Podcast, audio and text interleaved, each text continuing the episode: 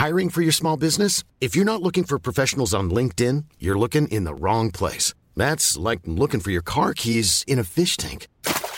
LinkedIn helps you hire professionals you can't find anywhere else, even those who aren't actively searching for a new job but might be open to the perfect role. In a given month, over 70% of LinkedIn users don't even visit other leading job sites. So start looking in the right place. With LinkedIn, you can hire professionals like a professional. Post your free job on linkedin.com slash people today.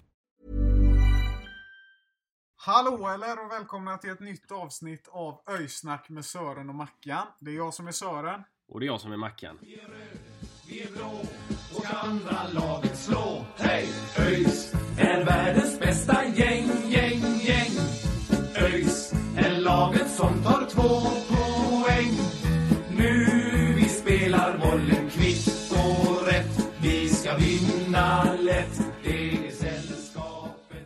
Idag Mackan så eh, ska vi, först så ska vi diskutera lite grejer inom ÖIS.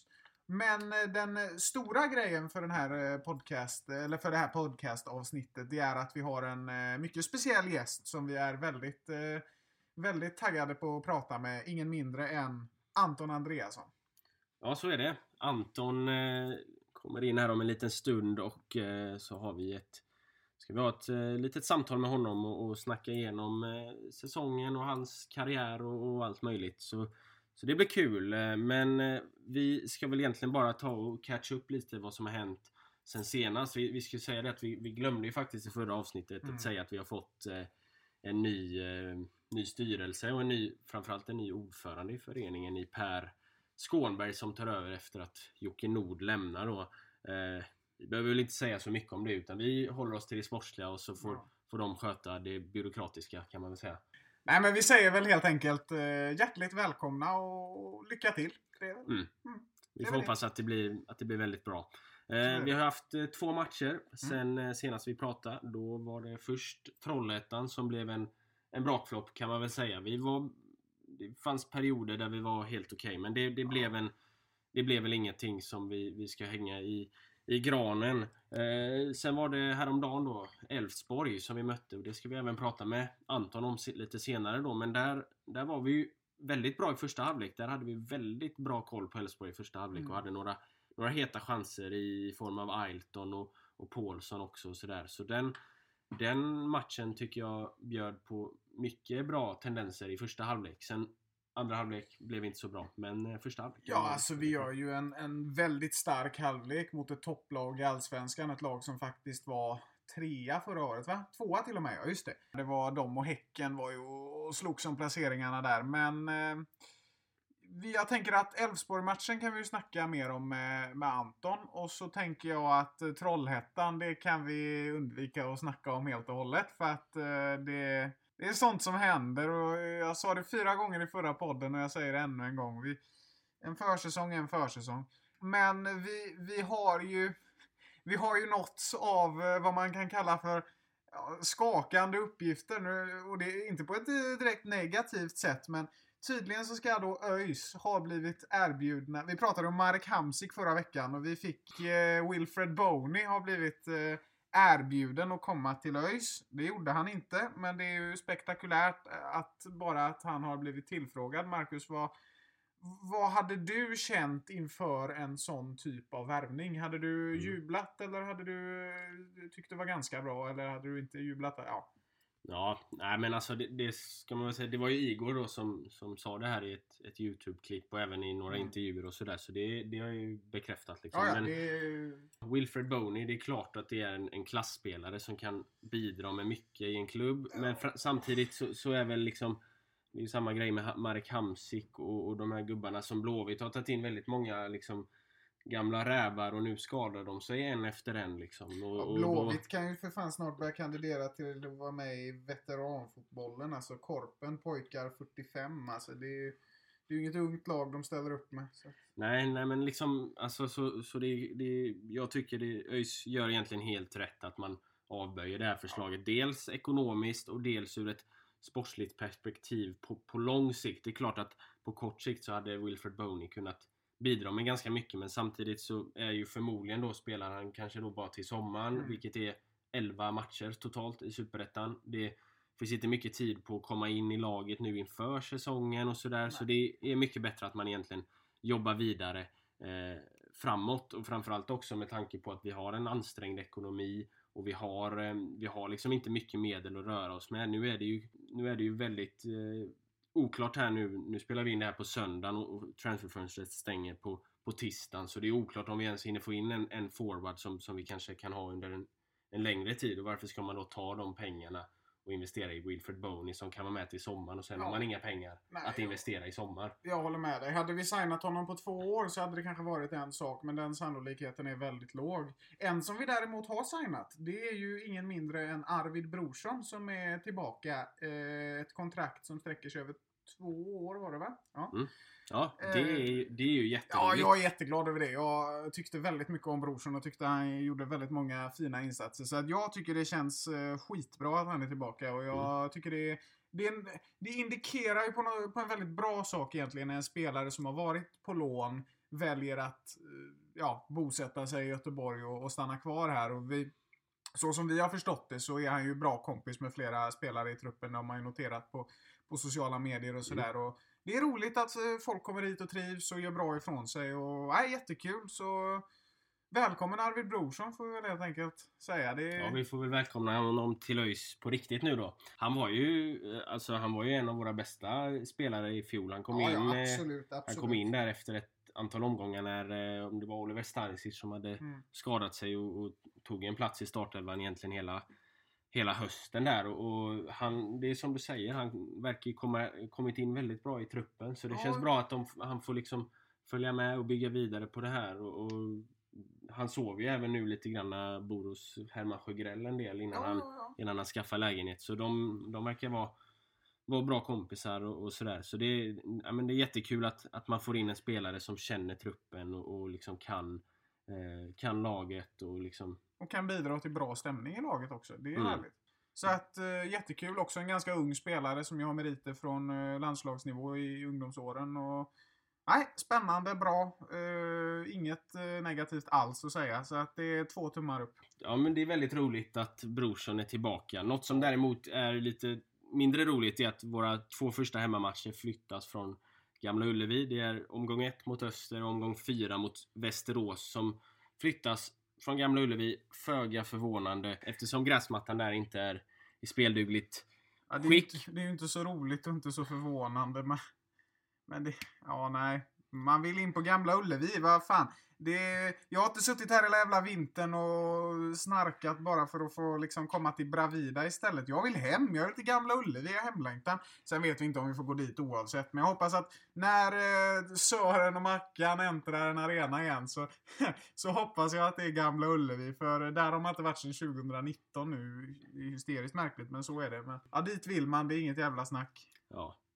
Nej men äh, gräsmattan där Nu spelade ju förra säsongen spelades ju till December så det är klart att gräsmattan Ja, har ja. slitits mer än vad det har gjort tidigare men det, det är inte första gången vi inte får spela på Nej, Gamla Ullevi i första då, matchen. För fan, tänker jag. Nej, men Eh, förlåt. Men... nej men nu, nu blir det Bravida då första matchen och sen blir det på, på eh, Stora Ullevi då, Nya Ullevi. Eh, och det är väl Det får väl duga då och sen, sen vet vi inte. Det kanske blir någon mer match vi inte får spela på På, ehm, på Gamla Ullevi eftersom dam, damerna ska spela Champions League-final där. Ja, så vi, vi får väl se hur, hur det blir men eh, Så hur, länge de är i Göteborgsområdet så känns det ändå helt okej. Ja. Nej men vi ska väl inte uppehålla er för länge utan eh, vi ska väl lämna över till eh, oss själva och till Anton Andreasson så får ni höra på vad han har att säga så över till det. ÖIS är världens bästa gäng, gäng, gäng. Då eh, hälsar vi välkommen till Öjsnack, vår första gäst, Anton Andreasson. Välkommen! Tack. Tack. Hur är eh, läget med dig så här på en söndag? Jo, men eh, läget är bra, eh, tycker jag. Eh, vi är lediga idag och eh, då gör man så lite knop som möjligt. Laddar för en, eh, för en ny vecka och sen drar det ju faktiskt igång snart. Ja, det gör ju det. Eh, ni mötte ju också Elfsborg häromdagen eh, i, ehm, i fredags, närmare bestämt. Hur, eh, vad kände du kring den matchen? Hur gick det? Eh, nej, men första halvlek så tycker jag det finns, eller fanns väldigt mycket bra att ta med sig från. Eh, vi gjorde mycket av de sakerna vi hade pratat inför matchen. Eh, och störde Elfsborg eh, ganska ordentligt i första halvlek. Sen så, så lyckades väl inte få till det fullt ut i, i andra, men eh, ändå stort sett en, en positiv känsla efter matchen, även om det är tråkigt att förlora. Mm. Ja, men jag såg också matchen och jag tyckte det, det såg bra ut i, i första halvlek där framförallt ju. Eh, sen blev det lite, lite otur där i andra halvlek då, men eh, väldigt bra i första halvlek tycker jag. Och du, du spelar ju på högerkanten där och vi har ju sett dig på vänsterkanten innan. Hur, eh, hur kommer det sig att du hade bytt kant där?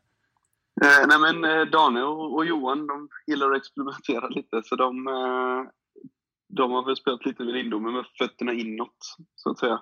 Att liksom vill ha vänsterfotade på högerkanten och, och tvärtom. Eh, så att vi har eh, kunnat rulla runt lite där. Ibland har de spelat vänster, ibland höger. Men det är väl eh, ett bra vapen, tycker jag, att kunna ha. Och överraska motståndaren lite. Absolut. Verkligen.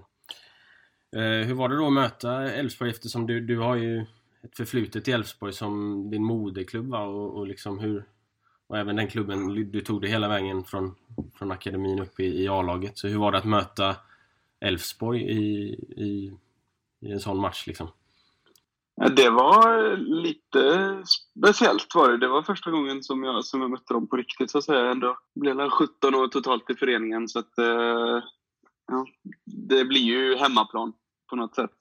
Eh, så det var ju kul att, att komma dit igen och, och få spela om man känner några, några i laget och, och ledarna och sådär, sådana grejer. Så att, eh, det var skoj. Men sen när matchen väl drog igång så tänkte man inte på att det var det var Elfsborg som stod, stod på andra sidan utan då var det bara ett av många lag som eh, man vill slå. Vi ska prata lite mer om Elfsborg eh, sedan, men eh, vad tycker du om hur försäsongen har gått som, som helhet? Ni började ju första matchen där så var ni väldigt stabila defensivt och släppte inte in några mål alls. Sen har det blivit lite mer insläppta på senaste då, men vad tycker du om försäsongen som helhet hittills? Alltså, vi har väl valt att inte... Jag tycker inte man ska stirra sig blind på, på några resultat i, i matcherna nu på försäsongen. Utan vi har varit, eller Dan och Johan har varit väldigt noggranna med att det är prestationen som, som är det viktiga. Och vi har eh, gått in med lite olika ingång i, i varje match. Och eh, ja, det är, så, det är många nya bitar som ska sätta sig och då är det lätt att man går ut och liksom vill göra allt det här direkt. Och så blir det bara eh, pannkaka av alltihop. Så vi har gått med lite olika ingångar till varje match och, och utifrån det så har det väl varit en eh, nyttig försäsong för oss. Vi har lärt oss mycket och vi har delar från nästan varje match, kanske med undantag för Kviding då, eh, som vi kan ta med oss bra saker. Eh, men kanske framför allt eh, både Häcken och Elfsborg och, och, även Varberg tycker jag, där vi gör tre fina prestationer mot tre allsvenska lag. Mm. Ja men det tycker jag också. Det har sett bra ut framförallt mot de lagen som liksom på pappret ska vara lite bättre då. Eh, och, och, man ser även tendenser i, i matcherna, eller liksom delar i matcherna som är väldigt bra och sen finns det ju vissa saker att jobba med såklart. Eh, det blir väl så också med, med nya tränare och sådär, nytt, nytt system, nytt sätt att tänka som vi har hört mycket kring, kring både Dan och Johan, där, deras lite annorlunda sätt att se på fotboll. Hur har, hur har det varit, liksom, hur har det förändrats från eh, när ni har fått eh, nya tränare där? Nej men det har nog varit en, eh, en större omställning än, än vad jag Alltså normalt sett när man får in någon ny tränare, då egentligen är det bara lek med siffror och ja, någon, det är lite små förändringar. Men här är det verkligen en liksom grundlig förändring på hur de vill eh, de vill sätta en tydlig identitet, en tydlig prägel. Eh, inte bara på hur vi spelar på plan utan även hur vi är som människor och hur vi fungerar som grupp. De eh, går in väldigt mycket på det också. Och eh, jag tror ju att om man är en, en grupp som mår bra och en välfungerande grupp utanför fotbollen så tror jag det blir lättare att eh, prestera på planen också.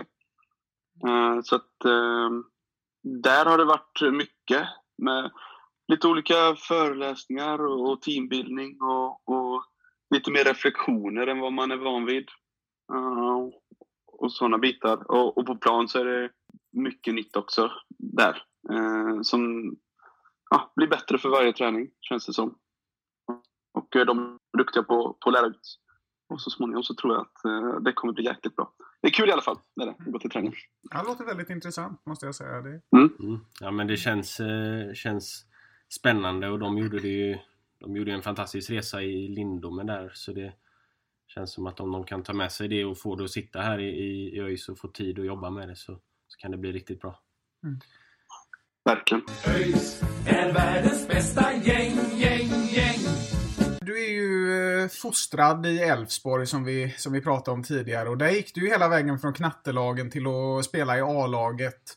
Hur, hur gammal var du när du började lira fotboll? På, eh, liksom börja träna? Eh, då var jag fem år när jag gjorde första försöket. Eh, så satt, då var det väl ganska tydligt från början i och med min pappas bakgrund att eh, det var fotboll som gällde och att det var Elfsborg som gällde. Eh, men eh, det tog väl någon träning och så det slutade väl att jag började gråta varje träning. Jag trodde att alla jagade mig och inte bollen när jag var, när jag var ung. Så eh, ja, efter ett, eh, ett par veckor där så, så fick jag ge upp och inse att det, det skulle nog inte bli någon, någon fotbollsspelare av mig. Så då tog vi en liten paus. Eh, familjen flyttade till eh, Italien. Eh, han började spela fotboll där. Och eh, där fanns det inte så mycket mer att göra än att, att spela fotboll själv. Utan några som eh, jagade mig. Eh, så det var väl egentligen där som eh, ja, det började kan man säga. Och sen när, jag, när, jag, flytt- när vi flyttade hem efter ett år så, så föll det sig ganska naturligt att ge, ge det ett nytt försök. Och då gick det bättre. Ja men vad, vad härligt. Jag förstår att det är fotbollen som har varit den högsta prioriteringen men har du, har du utövat någon annan idrott också eller är det bara fotboll som har, som har gällt? Det har varit 99 % eh, fotboll. Jag hade några vänner som spelade innebandy och då skulle jag eh, hänga med dem på någon träning. Och, eh, och ge mig på att testa att vara innebandymålvakt. Jag var fruktansvärt dålig på det. Och just den träningen så var det föräldramöte också, så då hade jag tvingat med min farsa. Jag kommer ihåg han har berättat att han inte, han ville knappt erkänna vem som var hans eh, son på plan. så, Alltså, så dålig var jag. det, det, känns som att Så du det valde, var ja, det känns som att du valde rätt sport utifrån det perspektivet då. Ja, ja, det blev nog så. Ja, men du, jag tänker att du, du gick ju liksom hela vägen egentligen då från knattelagen i Elfsborg till att debutera i A-laget den 31 augusti 2014 mot Falkenberg. Där du, eh, där du kom in med 10 minuter kvar. Hur, hur var den resan? När kom du upp i akademilagen och när började du inse att du var ja, men redo att spela med A-laget? svårt, men, men jag tror att jag har tagit ganska... Det har inte gått för fort, utan alltså man skyndar långsamt. Eh, tagit, tagit de här stegen i, i lugn och ro och, och utvecklats i den takt jag har behövt. Ehm, jag var ganska liten när jag var ung, ehm, så det eh, kanske tog något, något extra år. Ehm, sen var det väl egentligen inte förrän vi fick Claes Ingesson som tränare i ungdomslagen. Som, och han, ja, vi blev väldigt nära. Och, och först då började man inse att nu börjar man bli nära på riktigt. Eh, 2012 var väl första året jag var uppe och tränade ganska, ganska mycket med dem. Det var ju det året de, de vann SM-guld att, eh, och då fick man ju känna på det på riktigt. Och ehm, sen 2013 skrev jag lärlingskontrakt och 2014 avlagskontrakt. Eh, men, men eh, i stort sett har det varit så att det lugnt och fint har man tagit de stegen som, eh, som man har behövt. Ja, ja, det låter spännande. Jag funderar på, du har ju precis som vi har sagt varit väldigt många år i Elfsborg. Hur ser din eh, relation ut till till Elfsborg som fotbollsklubb idag?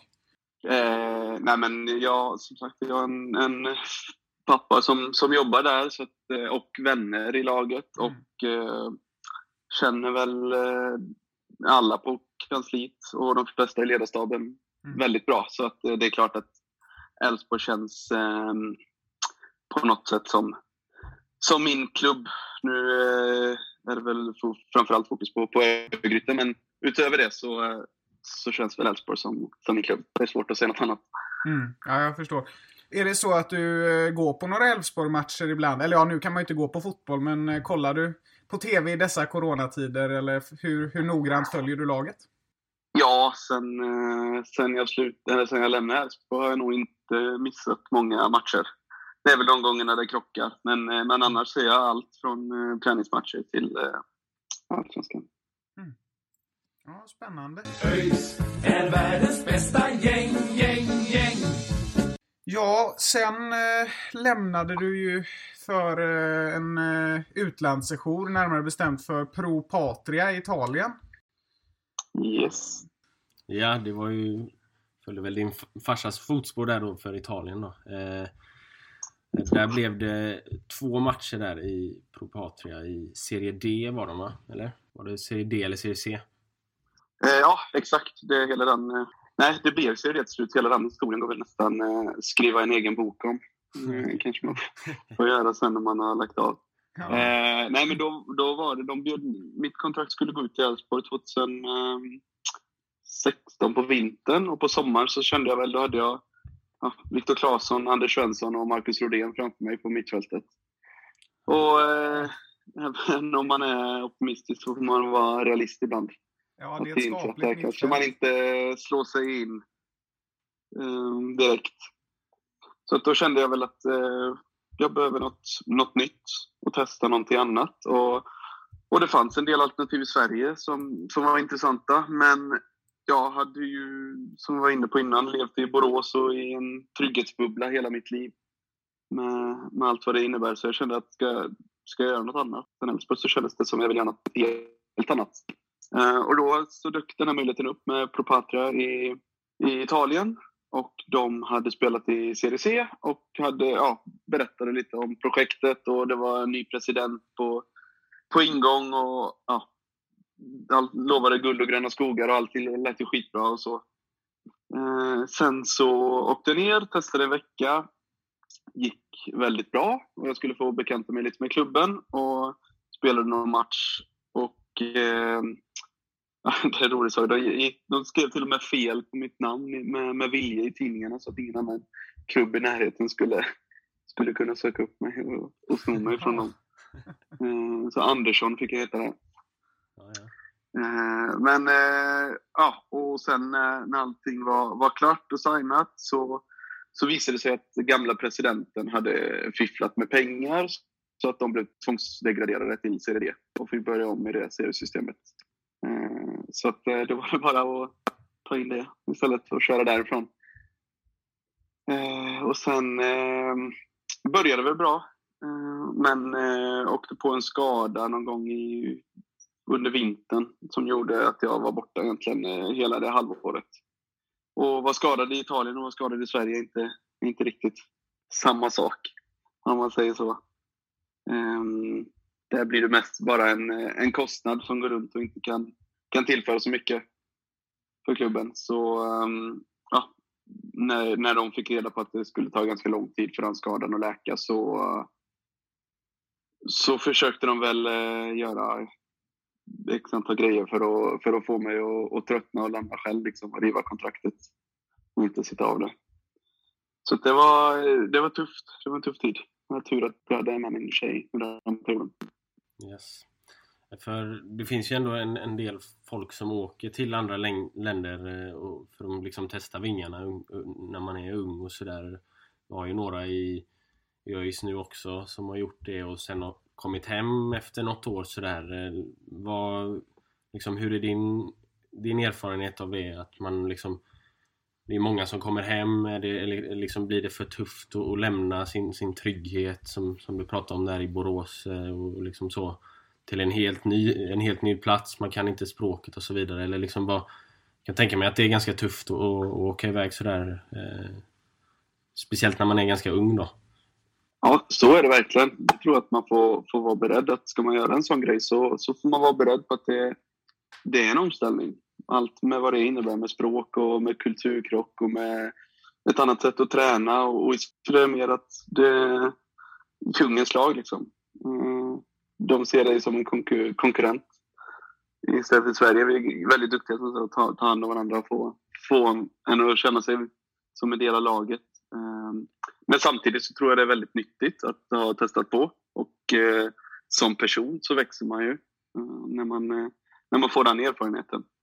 Och, så det du har sina för och nackdelar. Yes. Vad, vad, liksom, vad är det du tar med dig därifrån ändå vidare in när du sen flytta tillbaka till Sverige då. Eh, vad tar du med dig från, från den här tiden? Men just he hela den här grejen att, att, att ta hand om sig själv. Att eh, behöva stå på sig. Och eh, ja, kanske, var, kanske att man, man ibland är, är för snäll. Man lär sig att ibland det, det är inte alltid man ska vara så snäll. Att man får, man får stå på sig lite ibland. Och det var extra viktigt under, under den perioden. ÖIS är världens bästa gäng, gäng, gäng. Ja, sedan så, så gick ju flyttlasset tillbaka till Sverige då från Italien. Och, och då hamnade du i Jönköping södra och där eh, åkte du ut för en, råkade du ut för en ganska tuff skada. Du skadade ju korsbandet redan i din första match. Vad, vad var det som hände? Alltså hur uppstod eh, skadan? Jag får väl skylla på Rudalens konstgräs. Mm, som, som var för torrt. Nej men eh, som du sa, flyttade hem efter att jag kände att Italien och, och den biten funkar inte alls. Och, ja, mådde väl inte bra. Och, och med efter skadan så ville jag komma hem. Anledningen till att jag ville hem från början var för att se till att, att skadan skulle läka. Eh, under den sommaren eh, träffade jag specialister och, och, och höll igång och tränade med Elfsborg under den sommaren. Eh, sen dök möjligheten upp eh, med Jönköping. Mm. Och eh, då kände jag som, det kändes som ett, eh, som ett bra steg. Jag behövde komma tillbaka till den här trygghetsmiljön igen. Mm. Eh, sen så var det väl två veckor efter att jag skrev på så hade vi Utsikten i Svenska Cupen. Och efter 14 minuter så fastnade jag med, med dobbarna i gräset. Och eh, hörde väl hur någonting klickade till. Men, eh, men det gjorde inte ont, konstigt nog. Men eh, man, man kände ganska direkt att det var något, något som inte stämmer här. Eh, och så visade det sig att korsbandet var av. Så mm. då, ja. Ja, det blir ju... Det var ju, det var ju samma med 2000, om det var 2019 så hade ja, jag ju eh, Simon Nilsson som drog korsbandet också där på Rudalen. Så det... Mm. Ja. Man får väl skylla på Rudalen här. Ja, den, ja men lite så. Den är inte optimal för knän. Nej. Jag tänker att det blir ju en väldigt uh, tuff period när man råkar ut för en sån här skada och det blir ju lång frånvaro och sådär. Hur, hur höll du dig motiverad under liksom rehabiliteringen? Vad var det, som, var det som motiverade dig till att komma tillbaka? Det var väl en kombination med ett väldigt bra stöd från nära och kära. Och eh, tillsammans med att jag ville visa mig själv på, på en hög nivå och kände att jag inte riktigt hade fått göra det med tanke på, på konkurrensen som var i Elfsborg, att lämna det ganska tidigt och sen två tuffa skadeår, eller ja, det tuffa i Italien och sen det här med Jönköping, så kände jag väl att jag inte riktigt hade fått visa någonting på planen faktiskt. Mm. Så det var det som, som höll motivationen uppe och gjorde att eh, jag ville visa att, uh, komma tillbaka och, och, och, visa att jag faktiskt eh, kan spela fotboll. Ja, och det, det gjorde du verkligen. Eh, jag känner att, vad, eller jag undrar liksom vad, det är ju som nämnt jättejobbigt med de här skadorna och sådär. Men känner du att du har kunnat dra några lärdomar av de här tuffa åren liksom inför framtiden? Ja, verkligen. Ja, nu, jag är ju supertacksam över nu, liksom varje, varje träning och varje match man kan göra och, och varje år som går och man har fått vara frisk och att man får chansen att spela fotboll och göra det som jobb är ju det gör att man, man blir extra tacksam. För det, det ska man inte ta för givet alls. Mm. Och eh, än idag så eh, är personligen det en av de grejerna jag är allra stoltast över. Att, att ta mig igenom den perioden med allt vad det innebar både mentalt och med, med rehaben med skadan. Och att, eh, ja, med hela den biten. Så att, eh, jag har lärt mig jättemycket från den mm. perioden. Mm. Så även det var nyttigt.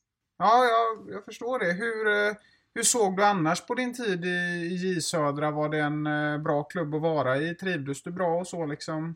Bortsett från, från skadan då liksom? Ja, ja men det gjorde jag. Eh, jag har alltid haft väldigt lätt att, att trivas i omklädningsrum. Jag tycker att det är en, en miljö som jag gillar att vara i. Och eh, Jönköping var, det var en bra miljö. De hade duktiga tränare. Jimmy Thulin var där och, och även Miguel som är i ÖIS nu.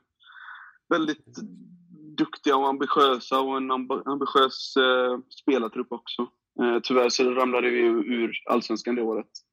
Förlorade kvalet. Men, eh, men det, var, det var en bra klubb och en bra miljö att vara i. Sen eh, gick du till Öster där eh, säsongen 2018-2019 som du spenderade där då. Vad liksom...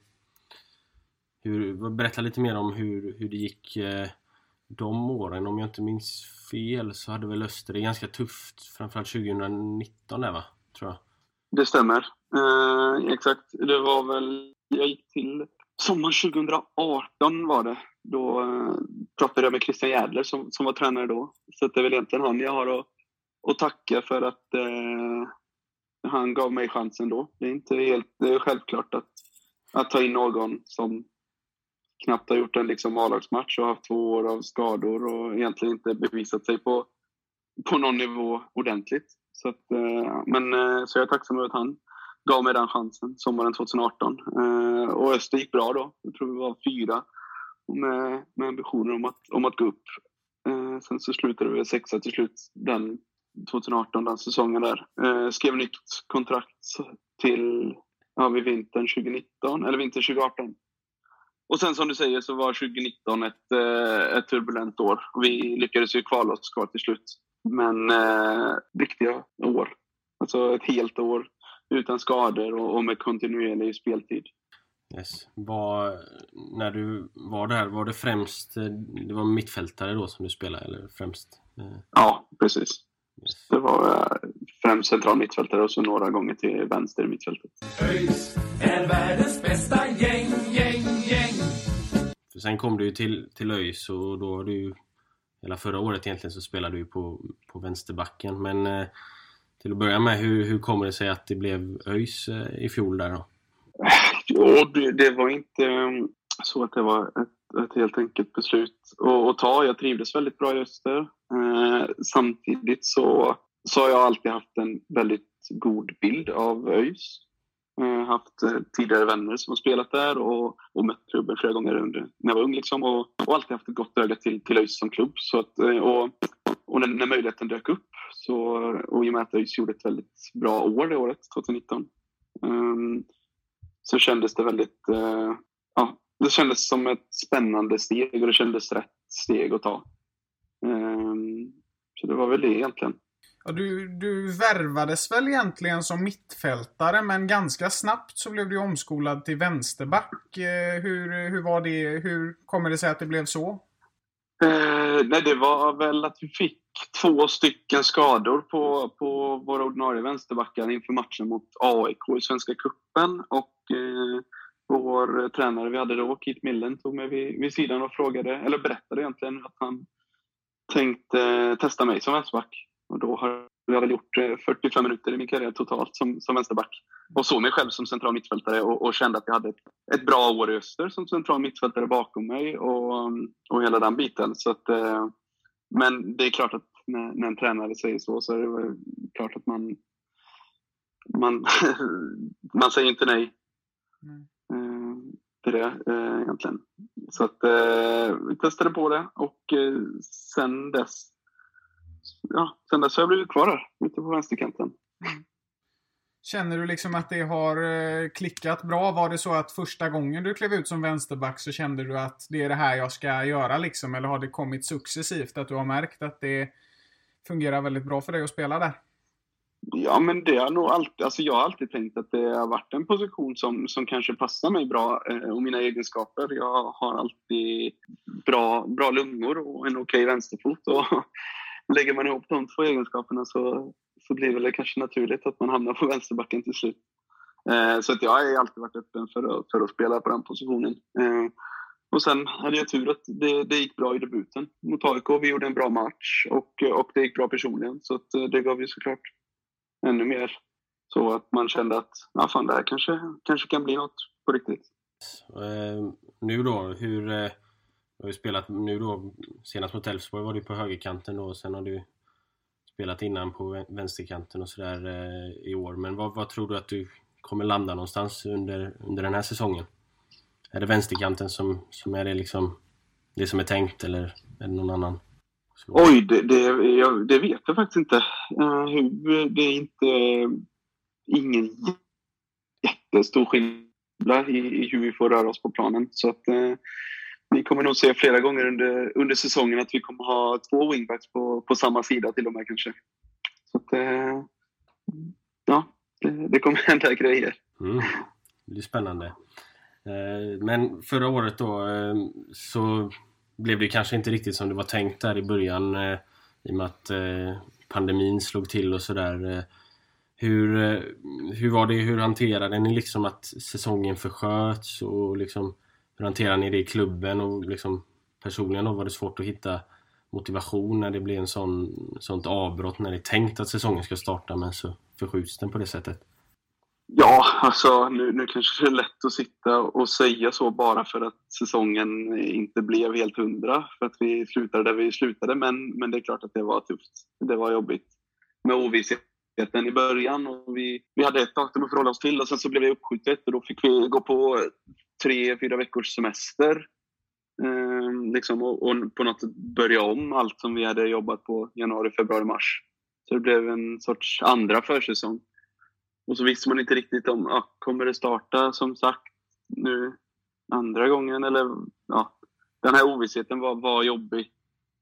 Det var den. Eh, men eh, det är absolut ingenting som, som man kan sitta här och skylla på eh, när, man, när man blicka tillbaka på förra året. Men eh, det är klart att det var, det var tufft. Men det var det för alla andra också såklart.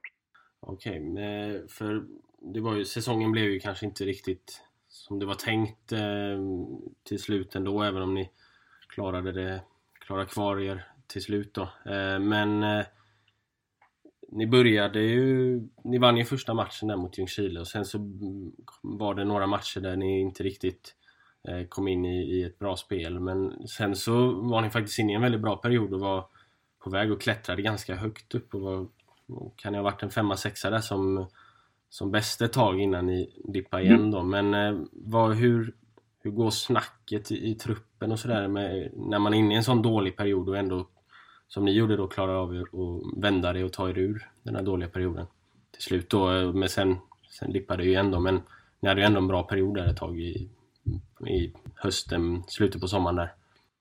Mm.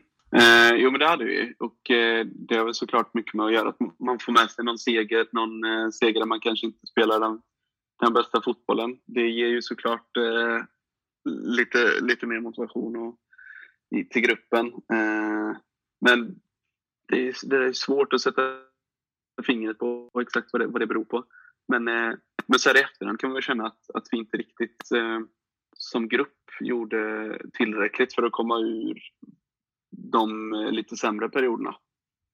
Eh, det var ganska, alltså, det var väl en, en sämre period som följdes av en bra period som följdes av en sämre period som avslutades med en okej okay period. Men de lite sämre perioderna var ju alldeles för långa. Eh, var de ju. Det, det är klart att under en säsong så kommer man ju komma i, i perioder där man har lite tyngre. Det, allting går inte rätt upp hela tiden. Eh, men det handlar ju om att göra de perioderna så, så korta som möjligt och ta sig ur dem så, så fort som möjligt. Och där eh, lyckades vi som grupp kanske inte rikta energin åt, åt rätt håll. Utan det kanske blev att vi, vi riktade den inåt mot, mot varandra eller ja, det är svårt att säga men, eh, men så kändes det i alla fall. Var det det som du tror, eller det är det som du tror är orsaken liksom till att det inte riktigt lyckades bättre än vad det gjorde då? Ja, alltså det, det finns säkert massa faktorer som, som gjorde att det inte klaffade helt och hållet. Sen ska man ha med sig att Superettan är en jäkligt oviss och svår serie. Det känns, känns nästan som man kan, kan bli allt från etta till, till sist. Eh, men eh, självklart så ska, ska ÖIS vara ett lag som, som tillhör den, den övre halvan definitivt. Eh, sen så är jag glad och stolt över att vi lyckades komma ihop under en, eh, komma tillsammans under en tuff period i slutet och där vi gjorde några, några bra insatser som ja, dels Öster hemma, Västerås borta, som inte är helt enkelt att gräva fram. Så att, eh, där ska vi väl ha en eloge till gruppen att vi, att vi lyckades ta oss ur den situationen. Men, eh, men situationen är väl, ska vi egentligen inte hamna i från, från första början. Så det var en väldig lättnad efter sista matchen. Det var, det var tyst och eh, det var bara lättnad istället för glädje. Liksom. Så det var, det var en speciell känsla. Ja, det, men det är ju... Superettan är ju alltid jämn liksom. Det hade ju... Hade ni tagit en fem poäng till eller något sånt där så hade ni ju varit kanske åtta eller något sånt där egentligen då. Eh, så det är ju liksom... Det är väldigt små marginaler i Superettan. Mm. Så är det. Då, eh, vad, vad känner du nu då inför kommande säsong? Hur, eh, hur är känslan?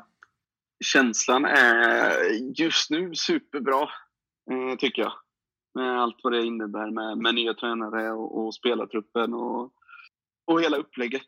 Det, det känns eh, verkligen spännande. Och, men det är väl enkelt att sitta och säga så innan säsongen att det, det känns spännande och det känns bra. Det tror jag inte någon, något annat lag eh, säger annorlunda inför säsongen.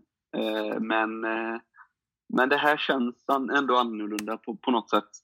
Det känns som att ÖIS tillsammans med, med Daniel och Johan håller på att bygga någonting som är lite mer än bara en grupp fotbollsspelare och ledare. Mm. Och det eh, känner jag mig stolt över att få vara en del av. Ja, för det, det är ju Dan och Johan som är, har ju huvudansvaret så, men hur har... eh, För Miguel är med i ledarstaben också nu. Eh, Hur, hur är hans roll där då? Absolut, Miguel ska vi inte glömma. Han gör ett jättejobb med, både på planen och, och utanför planen. Så att han är jätteduktig på de bitarna. Han har väl framförallt ansvar för att se till att vi får den eh, rätt belastning på, på träningar. Eh, vi har ju på oss GPSer på, på varje träning som han eh, på ett bra sätt följer upp och, och för data över vår belastning. Och kan enkelt se ifall ja, nu har belastningen varit lite för tung eller nu kanske vi bör öka. Och, och lägger upp den periodiseringen på ett, på ett bra sätt. Samtidigt som han har hand om, om fysbiten också. Så han gör det, han gör det jättebra. Yes. Sören då, är, är han eh, med någonting i nu eller han har, han har fått en liten ny roll nu? Hur, hur ser hans roll ut? Är han med i A-laget eller är det mer i akademi, på akademinivå nu då? Ja, som jag uppfattat det så är det väl någon form av utvecklingschef som är hans nya roll utan att veta exakt vad, vad det innebär. Men vi har inte fått se honom lika mycket i, i, i A-laget i år. Eh, har, man ser honom ibland, han står vid kollar in oss på träningarna. Ser så att vi sköter oss. Mm. Vi, vi planerar ju lite fler intervjuer i år med, med Öysnack och lite fler eh, poddar och sådär. Och jag tänker att om du fick eh, välja nästa gäst, vem hade du velat lyssna på? Det kan vara en spelare från laget, en tränare, lite vem som helst med an- anknytning till rödblått. Oj, shit, så svår fråga. Eh, men eh, ja, först vill jag bara säga att det är ett jäkligt kul initiativ och, och jätteskoj att ni, att ni gör det här. Och eh, nu när man inte kan, kan vara, vara på läktarna så, så är det jätte, jättekul när, när supportrar och när andra runt om klubben gör kreativa lösningar för att ja, kompensera upp för att man inte kan vara på läktaren. Så att, eh, det, det är skitskoj. Men eh, vi har ju inga roliga laget. Eh, Nej, men vad fan skulle jag ta då? Kanske, ja men du, det är tråkigt. Alla vill intervjua Paulsson så det är tråkigt att säga han. Eh, Men då får jag nog säga Jonathan Astulaj. Kan ni ta ett snack med. okej, ja. Mm. ja, men det låter Det är spännande. alltid, alltid trevligt att höra någon med, med lite Boråsanknytning. Fråga honom om lite, lite restauranger i Borås och sånt han tyckte. Ja, precis. Ja, ja, ja. Okej. Ja, men vi, vi är väl egentligen klara där så vi tackar så jättemycket för att du ville ställa upp och så håller vi tummarna för att det blir, säsongen blir väldigt bra både, både för ÖIS och för din del också då. Så att, tack så mycket för att du var med. Tack. Tack själva killar! Vi är blå och ska andra laget slå. Hej! ÖIS är världens bästa gäng, gäng, gäng. ÖIS är laget som tar två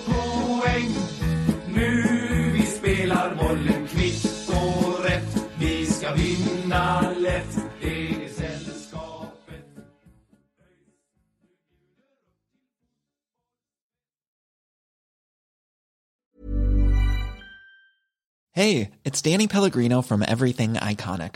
Ready to upgrade your style game without blowing your budget? Check out Quince. They've got all the good stuff shirts and polos, activewear, and fine leather goods, all at 50 to 80% less than other high end brands. And the best part? They're all about safe, ethical, and responsible manufacturing. Get that luxury vibe without the luxury price tag. Hit up quince.com slash upgrade for free shipping and 365 day returns on your next order. That's quince.com slash upgrade.